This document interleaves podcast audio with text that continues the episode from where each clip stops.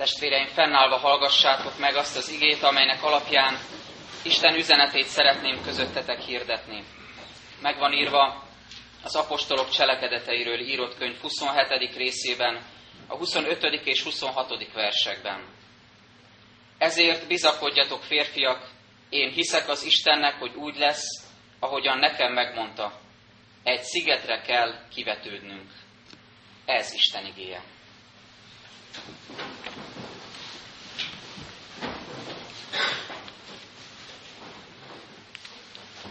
Elmúlt héten közel 80 gyerekkel táboroztunk itt a gyülekezetben, és többször elő, elő, elénk került egy ének, amelyet újra meg újra énekeltünk nagy lelkesedéssel, melynek egy részletét olvasom most. És jött az eső, és fújt a szél, de a ház erősen állt. És amikor újra meg újra énekeltük ezt az éneket, jó volt ebben megerősödni, hogy bizony, ha Jézusra épül az életünk, ha sziklára épül az életünk, akkor jöhetnek a viharok, jöhet az áradat, de mégis szilárd az életünk. És amikor elolvastam a mai napra kijelölt ige szakaszt, akkor jó volt felfedezni az összefüggést, hogy hogyan is érinti az elmúlt hét minden tanítása ezt az ige szakaszt. Itt is jött a vihar, jött a szél, jött az eső, és Pál, bár itt nem házépítésről van szó, de mégis tudott szilárd maradni, szilárdan állt, megállt a hitében, ragaszkodott az Úrhoz, és bizonságot tett az Úrba vetett hitéről. Hogyan lehetséges ez? Három gondolat jött elém ennek kapcsán, hogy miért tudott Pál szilárdan megállni ebben a viharos helyzetben. Az egyik gondolat az, hogy Pál élete Krisztusban gyökerezik. És ez a Krisztusba ágyazottság, a belőle fakadó szentélek, a vele való élő kapcsolat készé teszi arra, hogy szilárd legyen az ilyen nagyon kritikus helyzetekben is. Második gondolat, hogy minden helyzetben az Úrra tud mutatni. Vagyis túllát saját magán, látja azt, hogy nem önmagáért való az élete, nem önző módon csupán arra figyel, hogy ő megmeneküljön, vagy ő eljusson valahova, vagy ő teljesítsen valamilyen célt, hanem mindvégig az Úrra tud mutatni, és minden megnyilvánulásán látszik ez. A harmadik pedig a tágabb kontextus, hiszen itt nem csak egy hajótörésnek a történetét olvassuk, vagy nem csak egy viharnak, nem csak egy tengeri utazásnak, hanem egy olyan útnak, amely Pálapostól életében már sokkal korábban elkezdődött, amikor találkozott Krisztussal, amikor megfordult az élete, és amikor világos küldetést kapott, hogy én elküldelek, és a pogányok világosságává teszlek, és a pogányok és a királyok előtt fogod hordozni az én nevemet. Ez az út tehát beteljesedik, és ennek egy részletét olvashatjuk itt, amikor Pál Róma felé tart, és talán az ő gondolataiba is ott lehet ez a Jézusi ígéret, lesznek nékem tanúim a föld végső határáig. Ez beteljesedik itt Pál és a többi tanítvány életében is. Még egy érdekes párhuzamra hadd hívjam fel a figyelmet, hiszen tudjuk, hogy Lukács evangéliumát is, és a cselekedetek könyvét is Lukács evangélista nevéhez kötjük, ő írta mindkét könyvet. Érdekes felfedezni, hogy mennyire fontos Lukács evangélista számára az út, az útnak a képe és leírása. Az evangéliumban Jézus útja, többször megemlíti, hogy és Jézus ment tovább Jeruzsálem felé, mint hogyha minden ebbe az irányba mutatna, mintha minden ezt a célt szolgálna, hogy Lukács bemutassa Jézus útját a Golgota felé, Jeruzsálem felé, a kereszt felé. És itt a cselekedetek könyvében ugyanezt látjuk Pálapostollal kapcsolatban. Minden előzmény után ez válik a legfontosabbá, hogy hogy jut ő el Rómába, mondjuk így a föld végső határa felé haladtában, hogyan tudja képviselni Krisztus ügyét. És mindeközben elénk jön a tengermotívum, amely szintén fontos az evangéliumban is, és fontos itt a cselekedetek könyvében is. De hogy egy picit jobban megértsük, hogy mit élhettek át ezek az emberek a tengeren, gondoljuk azt el, hogy mennyire ijesztő, mennyire félelmetes volt az akkori ember számára a tenger, a tengerrel szembesülni, annak végtelenségét felmérni, nekivágni egy útnak úgy, hogy nem vagyok benne biztos, hogy oda fogok érni. Tehát ne olyan romantikusan gondoljunk a tengerre, mint hogy ma gondoljuk, hogy de jó lenne lemenni a tengerpartra, Horvátországba, vagy valahova a közelbe, de jó lenne hajózni egyet, vagy fürdeni benne egyet, vagy esetleg egy nagy óceánjáró hajóra felszállni, és egy luxus utazáson részt venni. Tehát ne így gondoljunk erre, hanem úgy hogy ezek az emberek például azt gondolták, azt vizionálták, hogy a tengerben különböző mesebeli tengeri szörnyetegek élnek, amelyekkel meg kell küzdeni, amik esetleg elkapják, lehúzzák a hajónkat. Tehát ilyen félelmeik is voltak. Amikor a tengerre gondoltak, belegondoltak abba, hogy milyen hatalmas és milyen végtelen, milyen viharok várhatnak ránk, akkor félelem szorította a szívüket. És valamiért mégis útnak indultak, mert az ember számára fontos az út, az úton létel, az utazás, fontosak a célok, fontos az, hogy elérhessük azt a célt, amely felé elindultunk. És hogyha a tengeren keresztül vezet ez az út, akkor bizony le kell győzni a félelmeket. Kövessük tehát ebben a történetben Pál útját a tengeren, és lássuk meg ebben a mai napi szakaszban, hogy milyen egy krisztusi embernek a hajó útja, amikor az isteni tervet beteljesíti, még akkor is, hogyha ez viharokon keresztül vezet. Először az utazásnak az előzményeiről és körülményeiről szeretnék néhány gondolatot elmondani közöttetek. Sokan ismerik azt a mondást, pánemet circenzész, kenyeret és cirkuszt. Ugye ez a gondolat nem csak a római birodalom korában, vagy nem csak azokban az időben volt igaz, hanem így van ez minden történelmi korban, hogyha az emberek életéből hiányzik valami, a hiány van, akkor ugye mivel lehet őket egy kicsit felpesdíteni, megvidámítani, kenyeret és cirkusz kell nekik adni, és erről gondoskodtak ebben a korban többféle módon is. Azért fontos ez, mert ezen a, ahogy az igen mondja, alexandriai típusú hajón feltehetőleg gabonát szállítottak a birodalom távolabbi pontjai felől a birodalom központja felé, ez volt az ellátmánynak az útja, Róma felé vitték ezeket a nagy gabona szállítmányokat, tehát a kenyér útja is ez, így is mondhatnánk, a kenyér biztosítása innen volt megoldva. Másfelől a cirkuszt is így tudták biztosítani, hiszen a birodalom különböző részeiről összefogdostak foglyokat. Pál nem ilyen fogoly volt, hiszen tudjuk, hogy ő egy kicsit előkelő státusban volt fogoly szem, fogság szempontjából, de vele együtt utazott sok-sok fogoly, akiket feltetőleg a népek, az előkelőbb népek szórakoztatására vittek a cirkuszi játékokra. Hát persze ez a szórakoztatás inkább a nézőknek volt szórakoztató, akik fogolyként vettek benne részt, azok számára inkább halálos kimenetelű volt. Minden esetre a kenyeret és cirkuszt ezen a hajón keresztül is ilyen módon megvalósult. Aztán látjuk az utitársakat is, hogy kikkel utazik együtt Pál a foglyokon túl. Itt van egy római százados, az előzményekben olvassuk, Juliusnak hívják, aki nagyon emberségesen bánik Pállal. Aki gondoskodik arról, hogy amikor kikötnek Szidonban, akkor ellátogathasson a barátaihoz, ahogy az ige mondja, feltehetőleg a keresztény testvéreihez, hogy találkozhassanak egymással, ima közösségben lehessenek, sőt azt is olvassuk, hogy élelmet is kapott tőlük, tehát gondoskodtak róla. Ez nem volt teljesen megszokott, de Julius, ez a százados, jó indulattal volt Pál irányába, és ezt biztosította számára. Rajta kívül pedig ott van két keresztény testvér, Arisztarkosz és Lukács. Lukácsot ugye nem említi az írás, de ő maga egyes szám első szemében írja ezt. Tehát ott vannak ők ketten Pált támogatva, és nagyon fontos az, hogy ők önként és nagyon hűségesen, nagyon szeretetteljesen vállalják ezt a végtelenül veszélyes utat Pálapostollal együtt. Eszembe jutott a példabeszédek könyvéből ez az ige, minden időben szeret, aki igaz barát, testvérül születik a nyomorúság idejére. Ez a testvérség, ez a barátság, ez a szeretet kapcsolat nyilvánul meg itt nagyon gyakorlatias formában, ahogy Arisztarkosz és Lukács Pállal vállalják az utazást.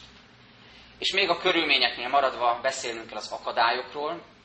Nagyon érdekes, hogy mennyire részletesen írja le Lukács ezt az eseménysort, bár ő nem volt hajózási szakember, de mégis rendkívül részletesen örökíti meg. Magyarázók azt is ö, ö, írják, olvastam ezt, hogy, hogy valószínűleg hajó naplót is készíthetett, vagy naplót is írhatott közben, minden napnak az eseményeit precízen megörökítve, és így tudja ezt visszaadni nekünk is nagyon részletesen. Milyen akadályokkal kell szembenézni? Kettőt is említhetünk. Az egyik az, hogy ez az időszak, amikor ők útnak indulnak, már-már alkalmatlan a hajózásra a novembertől nagyjából márciusig terjedő időszakot mondták annak az időnek, ami veszélyes a hajózás szempontjából. Olyanok voltak az időjárási körülmények, amikor nem volt tanácsos hosszabb hajóútra indulni, és ők mégis elindulnak. A másik pedig, amit a 15. versben olvasunk, ez a bizonyos ellenszél, Eurakviló, ahogy olvassuk, ez a szélnek az elnevezése, ami megakadályozta az előrehaladásukat, és egy idő után le is tettek a kormányzásról, és csak sodortatták magukat, rábízták magukat a tenger áramlatokra, a szélre, a tenger sodrására. Ahogy mondtam, ez egy alexandriai típusú hajó volt, ami nagyon nagy méretű és erős. A gabona szállítmány mellett állítólag 300 ember elfért rajta, ami elég sok. Ezen utazott tehát Pálapostól. És mivel ilyen nagyon erős, masszív hajónak tűnt ez, ezért is gondolhatta a kormányos és a hajó tulajdonos, hogy nem kell itt Pálnak a vészjósló gondolataival törődni, mi menjünk csak, teljesítsük az előre eltervezett tervünket, biztos, hogy célba fogunk jutni, bízzunk magunkban, bízzunk ebben a hajóban. Az akadályok kapcsán eszembe jutott az is, és ezen gondolkozzunk el közösen, hogy milyennek a lelki vetülete. Milyen akadályokkal kell nekünk szembenéznünk, hogyha mi életünket is egy ilyen hajó útként képzeljük el, amelyre jöhetnek a viharok, jöhetnek különböző akadályok. Az előbb említett két akadályozó tényezőt a szívünkbe idézve gondoljuk át, hogy vajon hogy állunk ezzel? Vajon hajózásra alkalmas az idő? Másként fogalmazva, ami most elterveztünk valamit, most szeretnénk valamit megtenni. Valami előttünk áll feladatként, világos célként. Vajon az az időszak, ami most ránk vár, ez alkalmas ennek a véghezvitelére, beteljesítésére? Sokszor nagyon önfejek tudunk lenni. El, fejünkbe veszünk valamit, és akármilyenek a körülmények, akármi történik, azt mondjuk, mi ezt véghez visszük. Nekünk alexandriai hajunk van, amit nem lehet elsüllyeszteni. Ugye, csak zárójelbe a Titanicról is azt gondolták, hogy elsüllyeszthetetlen, így kapta a nevét, titáni, hatalmas, legyőzhetetlen. Sokszor mi is így gondolunk a saját életünkre. Alexandriai van. Képtelenség legyőzni. Biztos, hogy célba jutok. És ez az idő is alkalmas erre a hajózásra. Még akkor is, ha ez a józan észnek is ellentmond. Ez az első, amit magunkban megfontolhatunk, hogy vajon ami előttünk áll, az alkalmas-e arra, amit szeretnénk véghez vinni, vagy amit célként Isten kitűzött elénk. Néha türelmesnek kell lenni, néha várni kell, néha halasztani kell valamilyen feladatot, és kivárni a megfelelő, Istentől adott időt, hogy akkor teljesedjen az be. A másik pedig az ellenszélnek az akadály volta, nagyon elevenen, kézzelfogható módon jelenik meg az ember életében. Úgy is mondhatnám, a keresztény ember élete alapvetően mindig ellenszélben, zajlik. Hiszen azok a támadások, amik a hívő ember életét élhetik, tulajdonképpen állandó ellenszélként jelennek meg. Olyan támadások ezek, amik gyengíthetik az életünket, hitünket, elkötelezettségünket, megingathatnak bennünket a hitünkben, a szilárdságunkban, és ugyanakkor pedig tegyük mellé a másik szélformát, amit a, az ige említ, más helyeken Jézus is beszél erről, ez a Szentléleknek a szele, amely viszont kész arra, hogy ezt az ellenszelet is meghaladó módon tudjon előrevinni bennünket. Amikor ellenszéllel szembesülünk, akadályok vannak az életünkben, támadások, kísértések, próbatételek, gondoljunk erre, hogy ott van, ott lehet velünk Isten kegyelméből az ő lelkének a szele, amely fúj, nagyon titokzatos módon, nem tudjuk honnan jön és hová megy, de nagyon valóságos módon viheti előre az életünket. Ez lehet a reménységünk tehát. Egyet a körülményekről és ezeknek a lelki vonatkozásáról. Most térjünk át arra, hogy hogyan is viselkedik Pálapostól ebben a nagyon viharos és kritikus helyzetben. Azt látjuk, hogy Pál élete felkiáltó jelé válik ebben a különös és nehéz helyzetben.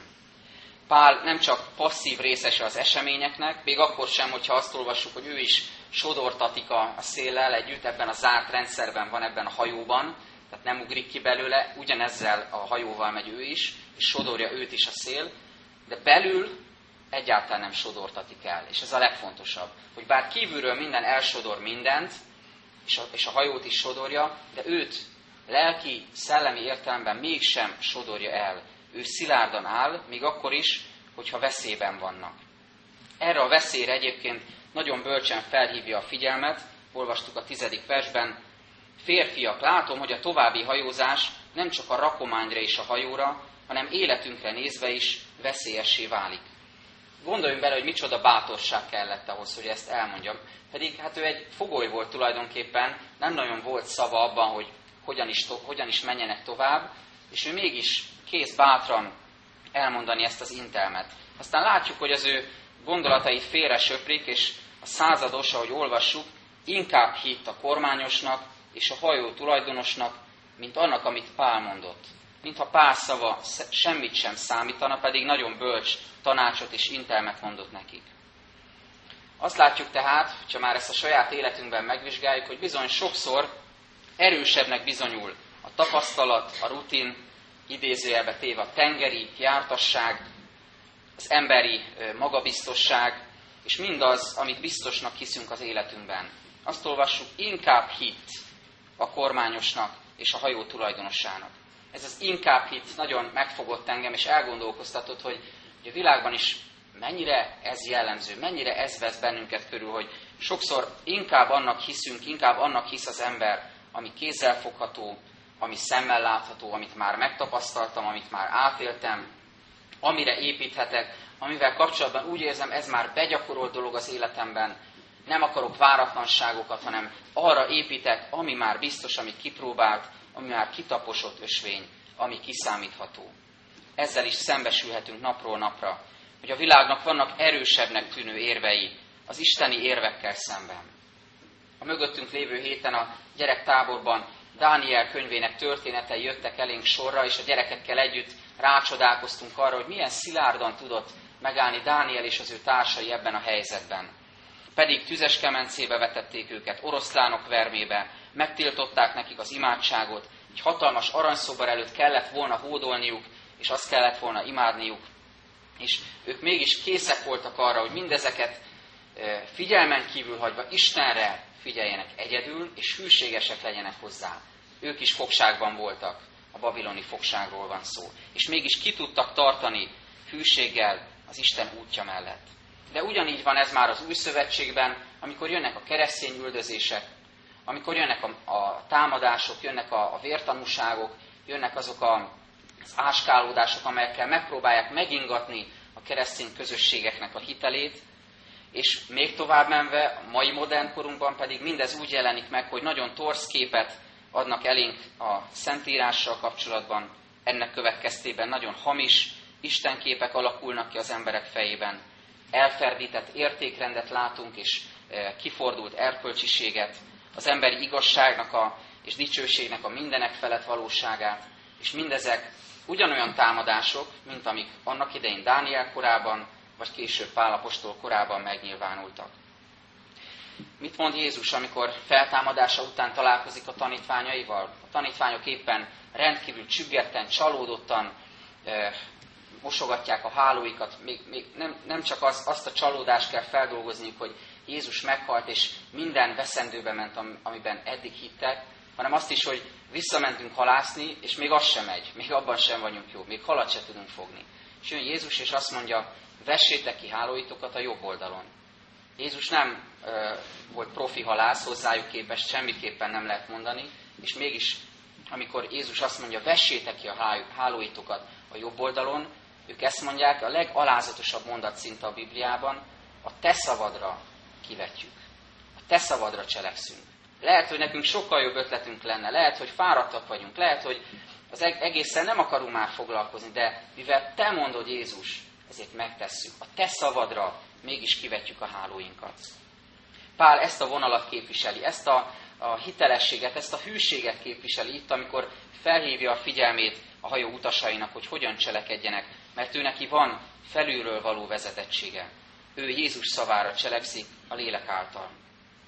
A kérdésem az felétek, testvéreim, ez alapján, az ige alapján, hogy vajon tudunk-e néha elvonatkoztatni a saját bejáratott útjainktól, tapasztalatainktól, rutinunktól, szakértelmünktől, mert ezek nagyszerű dolgok, és lehetnek jó helyen is az életünkben, de néha akadályá tudnak válni. Tudunk-e ezektől elvonatkoztatni? Tudunk-e szabadok lenni ezektől? Azért, hogy az Isten által adott utat tudjuk szabad lélekkel bejárni és választani. Sőt, az is kérdés, ahogy itt Pál esetében látjuk, hogy van-e bennünk bátorság, hogy szóljunk. Hiszen megint csak azt mondom, gondoljunk bele, micsoda bátorság kellett Pál esetében, hogy ő felemelje a szavát. Hogy közéjük álljon, és, és azt mondja, hogy nem így kellett volna cselekedni. Me, mekkora bátorság kell ehhez? Hogyha ez, ez nem lélektől való bátorsággal van, akkor ez nagy képűségnek is tűnhet. Én megmondtam. Bezzeg én tudtam az utat. Miért nem rám hallgattatok? A következő pillanatban nem csodálkoznánk azon, hogyha fognák párt és bedobnák a vízbe. Annyival is kevesebb teher lenne. Micsoda dolog ez, hogy még ő von bennünket kérdőre. És azt mondja, hogy ő tudta a megoldást. Hát ezen biztos, hogy felháborodtak a hajó utasai, különösen a kormányos és a hajó tulajdonos. De nem, testvéreim, Pál a lélektől kapott bátorsággal tudja azt mondani, az lett volna helyes, az Isten igényére figyeltetek volna. A szavunk felemelésével kapcsolatban és a bátorsággal kapcsolatban találtam egy nagyon rövidke kis verset, amit felolvasok most nektek. Száz éve született Vörös Sándor rövid verse, az a címe Szó. Aki a szót megragadja, sugarát is ragyogtatja, árnyékát is megmutatja. Aki a szót elcsépeli, fényét, árnyát elkeveri, magasságát porba veri. És különösen az első verszak fogott meg, mert a profétai lelkületet látom ebben, tehát aki a szót megragadja, sugarát is ragyogtatja, árnyékát is megmutatja. Mert populista beszédet, olyan beszédet mondani, ami mindenkinek tetszik, azt nagyon könnyű mondani. Amire azt mondják, hogy de jó ezt hallani, de jó ezt hallani, és milyen jó, hogy, hogy ilyeneket mond az Isten igéje. De itt miről van szó? A fényről is, meg az árnyoldalról is. Pál ezt tudja képviselni. A reménysugarat is hozza nekik, majd látjuk, de megmutatja azt is, hogy mit rontottak el. Hogyan kellett volna másként cselekedni, hogyan kellene inkább az Isten igére figyelni. Hogyan kellene elcsöndesedni. Pálapostól azt mondja, bizakodjatok. Nem csak azt mondja, hogy valamit elrontottatok, azt is mondja, bizakodjatok, mert nem fogtok elveszni. Mert az evangélium szava ez, hogy megmaradtok azáltal, hogy az Isten megtartja a, a mi közösségünket. Lehet, hogy a hajó odavész, de ti meg fogtok maradni. Ez azt kell azonban, testvéreim, hogy az emberben legyen alázat az elcsöndesedésre. Hogy Isten igéje azt mondja, csendesedjetek el, és ismerjétek el, hogy én vagyok az Isten. A hittanos táborban ezt is próbáltuk gyakorolni, ebédnél kétszer-háromszor eh, arra ösztökéltük a gyerekeket, hogy egy csendpróba keretében pár percig maradjanak csöndbe. Nagyon nehéz. Nagyon nehéz volt, amikor csöndbe voltunk, csöndbe volt az egész tábor, és csöndben kanalazta a levest, akkor olyan különös hangulata volt az egésznek. És én is becsuktam a szemem, és éreztem, hogy ez a csönd, ez, egy, ez nem csak egy erőltetett csönd tud lenni jó esetben, hanem egy békés csönd. Akkor az ember tényleg Istenre tud figyelni. És néha nekünk is kellene ilyen csöndpróbákat játszani felnőttként, amikor igyekszünk lecsöndesíteni mindazt, ami bennünk kiabál, ami bennünk lázat, kiált, és azért kell ezt megtenni, hogy meghallhassuk Isten szavát. Arról is olvasunk ebben a történetben, hogy Pál, ahogy mondtam, biztatja ezeket az utasokat, de hogy miért is? Így olvassuk ezt. Én azonban most is azt tanácsolom nektek, hogy bizakodjatok, mert egy lélek sem vészel közületek, csak a hajó. Mert ma éjjel elém állt annak az Istennek az angyala, akié vagyok, és akinek szolgálok. És ezt mondta, ne félj Pál, neked a császár elé kell állnod, és Isten neked ajándékozta mindazokat, akik veled vannak a hajón. Ez az ajándékozás az, ami megragadott engem ebben a mondatban, hogy Isten neked ajándékozta őket. Ez egy oda-vissza történő ajándékozásra belegondolunk. Ezeket az embereket Pál által megmenti az Úr. Ajándék ez Pálnak is, mert ez erősíti a hitét, és ajándék az embereknek, akik megmenekülhetnek. És óriási bizonság lehet ez az életükben. Nem fogtok elveszni, mondja Pál. És hogyha ezt még tovább az egész üt történet és a hitünk szempontjából nézzük, itt nem csak arról van szó, hogy egy hajótörést kell megúsznunk, testvéreim. Ne csak így értsük, hogy nekem meg kell úsznom egy helyzetet. Ki kell kecmeregnem egy helyzetből. Túl kell élnem egy nagyon kellemetlen helyzetet. Egy hajótörést. El kell a szenvednem, és ki kell úsznom a partra. Nem csak így kell ezt érteni, hanem az egész életünk megoldásáról van itt szó. Mert a megmenekülés az nem csak a hajótörés túlélését jelenti, hanem az örök életre való megmenekülést. Mert Jézus ezért halt meg, hogy nekünk már ne kelljen örök halálba mennünk, hanem örök életünk lehessen. Végül már csak egy gondolattal hadd utaljak arra mindezek fényében, hogy akkor mi is a keresztény ember küldetése, hogyan látszik ez Pálapostól példáján keresztül.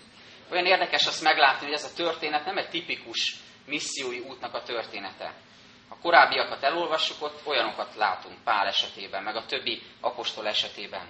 Itt azonban nem olvasunk gyülekezet alapításról, nem olvassuk, hogy Pál bemenne egy zsinagógába és hirdetné először a zsidóknak az igét, aztán onnan kijöve mondjuk egy iskolába bemenve hirdetni a pogányoknak az evangéliumot, nem olvasunk meggyőző érvekről, brilliáns vitákról, beszélgetésekről, nem olvasunk házi gyülekezetekről. Egy hajót látunk, amely a viharos tengeren hánykolódik, és mégis a legdöntőbb kérdésről tud itt Pál beszélni ezeknek az embereknek, mert neki küldetése van.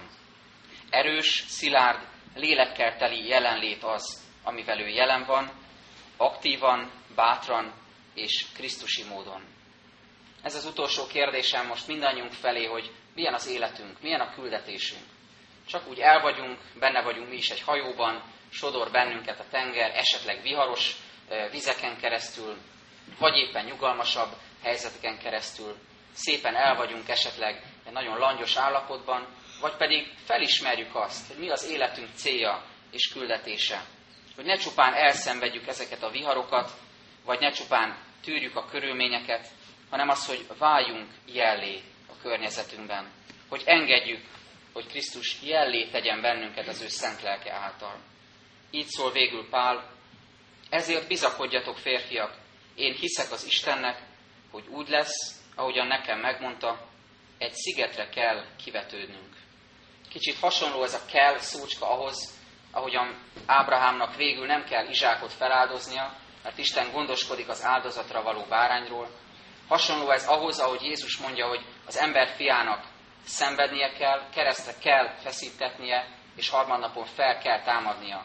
És ezt az isteni szükségszerűséget mondja itt Pál, hogy egy szigetre kell kivetődnünk. Egy nagyon egyszerű megoldás ennek a helyzetnek, de mégis az van benne az a reménység, hogy Isten gondoskodik az életünk megoldásáról. Nem csak úgy, hogy egy szigetre jutunk, hanem úgy is, hogy örök életünk lehet Krisztus által. Így legyen. Amen. Most elcsöndesedve először magunkban imádkozzunk.